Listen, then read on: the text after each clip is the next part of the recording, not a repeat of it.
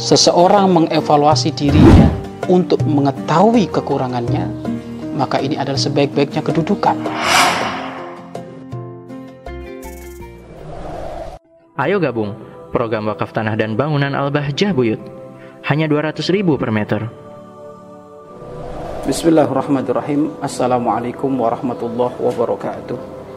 Alhamdulillah wassalatu wassalamu ala rasulillah habibina wa syafi'ina wa qurrati a'yunina wa maulana Muhammad sallallahu alaihi wasallam wa ala alihi wa ashabihi wa tabi'ina lahum bi ihsanin ila yaumiddin. Amma ba'd. Sahabat-sahabat fillah sahabat-sahabat perindu-perindu Allah perindu-perindu kemuliaan mudah-mudahan hari ini hari yang penuh keberkahan bagi kita semuanya dan hari keselamatan bagi kita untuk bisa bertemu dengan baginda Nabi Muhammad SAW. Alaihi Wasallam. Penawar keburukan, kejelekan seseorang jikalau dibalas dengan kebaikan dan kelembutan akan menjadikan hati orang tersebut lunak akan menjadi hati orang tersebut baik akan menjadi hati orang tersebut berlapang dada. Sahabat-sahabat fillah yang dimuliakan oleh Allah Subhanahu wa taala sering di dalam kesehari-harian kita aktivitas kita kesibukan kita kita akan bertemu dengan segala model rupa orang-orang yang bergaul dengan kita. Mulai dari orang yang menyambut kita dengan senyum, menyambut kita dengan ucapan ahlan wa sahlan, menyambut kita dengan pelukan, menyambut kita dengan sukaria. Ada juga di antara mereka di dalam kita beraktivitas dan bergaul, mungkin ada di antara mereka yang tidak menyambut kita. Mungkin mereka cuek, acuh, atau bahkan mungkin mereka cemberut. Atau bahkan mereka sama sekali tidak menggubris. Apa yang sudah kita lakukan? Kebaikan apa yang sudah kita tampakkan? Mereka semuanya acuh cuek. Bahkan mungkin ada yang memusuhi. Maka dengan beraneka ragam model-model manusia seperti ini bagaimana cara menyikapi kita? Ketahuilah Baginda Agung Nabi Muhammad Sallallahu Alaihi Wasallam termasuk pribadi yang selalu mengutamakan berbuat baik. Fa'alul Hasan. Fa'alul Hasan itu menjadi orang yang senantiasa di mana pun programnya adalah kebaikan. Menjadi orang yang senantiasa optimis, baik hati, dengan beraneka macam seseorang yang menyambut beliau mau menyambut dengan sambutan hangat atau dengan sambutan hambar tapi ciri khas beliau adalah fa'alul hasan yaitu merindukan siapa pun untuk berbuat baik. Bahkan tidak sungkan-sungkan beliau itu adalah orang yang membalas segala hal-hal yang aneh dari perbuat, perbuatan orang-orang yang aneh dibalas dengan kebaikan. Maka dari sini kita bisa mengambil kesimpulan penawar keburukan di dalam kita beraktivitas dengan sesama manusia, maka hendaknya kita senantiasa menjadi orang yang berlemah lembut. Jangan mudah terprovokasi, jangan mudah termakan emosi, jangan mudah termakan isu-isu yang gak benar sehingga keburukan tadi harusnya kita balas dengan kebaikan. Harusnya kita balas dengan kelembutan.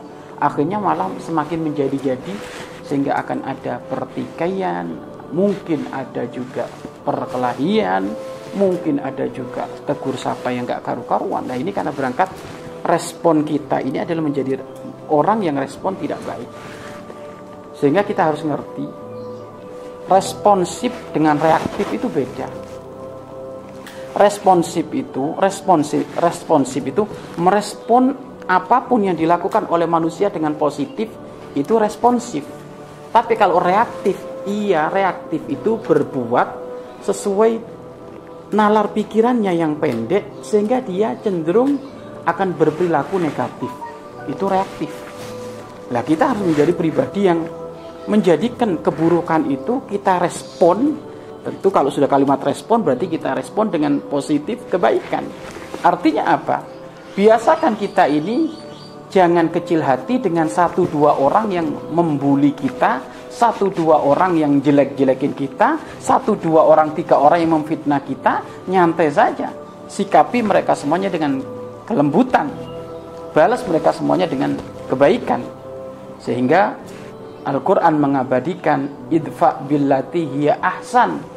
Kalau engkau menemukan ada orang yang berbuat secara dohir merugikan dirimu, tapi idfa balaslah dia. Kembalikan kejelekan itu billati hiya ahsan dengan sebaik-baiknya pembalasan.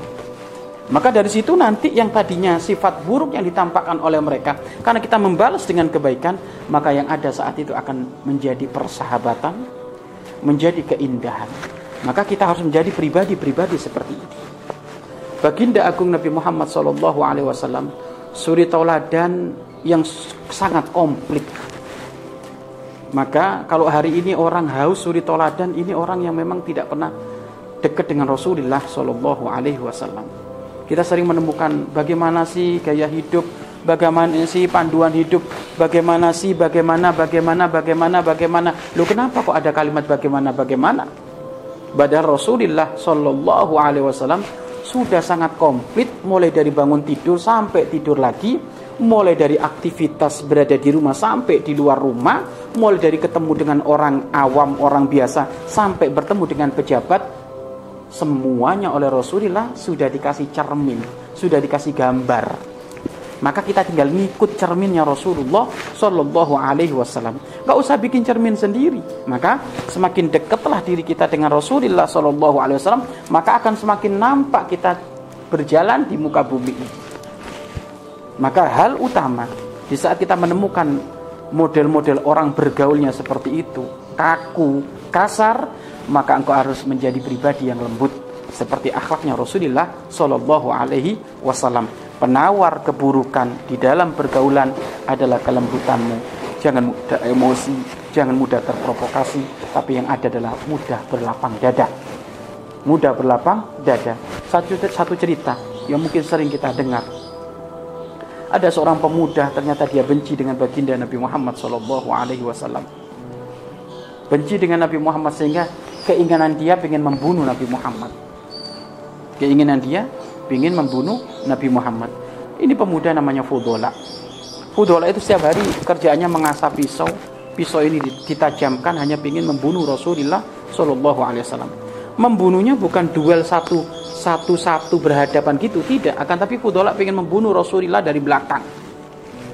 Maka di saat Rasulullah lagi khusuk di dalam tawafnya, tawaf umroh, lagi khusuk, tiba-tiba Fudola ini menyelinap karena Rasulullah Shallallahu Alaihi Wasallam orang yang memang di, di, dilindungi oleh Allah.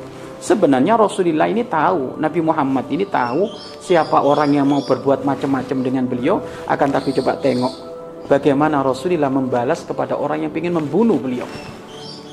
Tatkala Fudola ini menyelinap di kerumunan orang yang banyak, setahap demi setahap mendekati baginda Nabi Muhammad SAW, maka di saat Rasulullah lagi tawaf khusuk, memutari Ka'bah, maka Fudola pas berada di belakangnya Rasulullah, maka itu pisau ibarat dihunus itu akan ditusukkan kepada punggungnya Nabi Muhammad. Tiba-tiba Nabi Muhammad menoleh kepada Fudola sambil senyum. Menoleh kepada Fudola sambil senyum. Fudola, bagaimana kabarmu? Ada apa dengan dirimu? Beliau menampakkan senyum dengan tegur sapa. Fudola, bagaimana kabarmu? Masa orang mau membunuh beliau ditanya kabarnya? Ada apa dengan hatimu Fudola? Seperti itu. Maka Fudola melihat santun lembutnya baginda agung Nabi Muhammad Shallallahu Alaihi Wasallam beliau salah tingkah. Yang tadinya itu pisau sudah dihunus akan ditusukkan disembunyikan lagi di balik pinggangnya. Lala Muhammad anak atuf tidak Muhammad aku lagi tawaf juga. Aku, aku lagi tawaf juga. Pelajaran pertama ini yang yang kita kita bisa ambil ini loh kalau kita itu berperilaku baik kepada seseorang yang sekalipun membenci kita, maka hati nuraninya orang yang berbuat jelek itu akan tersentuh. Sehingga dia tersipu malu yang tadi mau berbuat langsung membunuh Nabi Muhammad gak jadi. Akhirnya disembunyikan lagi. Bahkan dia menutupi kejelekannya tadi dengan berkata, aku juga tawaf. Maka saat itu Rasulullah melanjutkan juga tawaf. Maka Fudola pun mendekat lagi. Ingin dibunuh lagi. Maka lagi-lagi Rasulullah senyum kepada Fudola. Menoleh kepada Fudola. Fudola apa kabar engkau? Ada apa di dalam hatimu Fudola? Lagi-lagi Fudola salah tingkah. Disembunyikan lagi. Sampai terulang tiga kali. Dan sama Rasulullah dalam eh, dalam dalam pertemuan pertama kedua ketiga ucapan beliau sama senyum beliau sama tidak dikurangi sedikit pun. Ini termasuk memang pribadi ikhlas Nabi Muhammad. Walaupun dia akan membunuh Nabi Muhammad Shallallahu Alaihi Wasallam. Maka setelah yang ketiga ini maka Rasulullah berkata bagaimana kabarmu Fudola ada apa dengan Fudola maka Fudola pun berkata, aku lagi tawaf ya Rasulullah. Aku lagi tawaf. Baik Fudola, sini kamu. Sini kamu. Maka Fudola mendekat. Dan di saat mendekat kepada baginda Nabi Muhammad SAW disebutkan sungguh di saat aku mendekat, di saat aku mendekat kepada Nabi Muhammad, aku masih ingin membunuh Nabi Muhammad.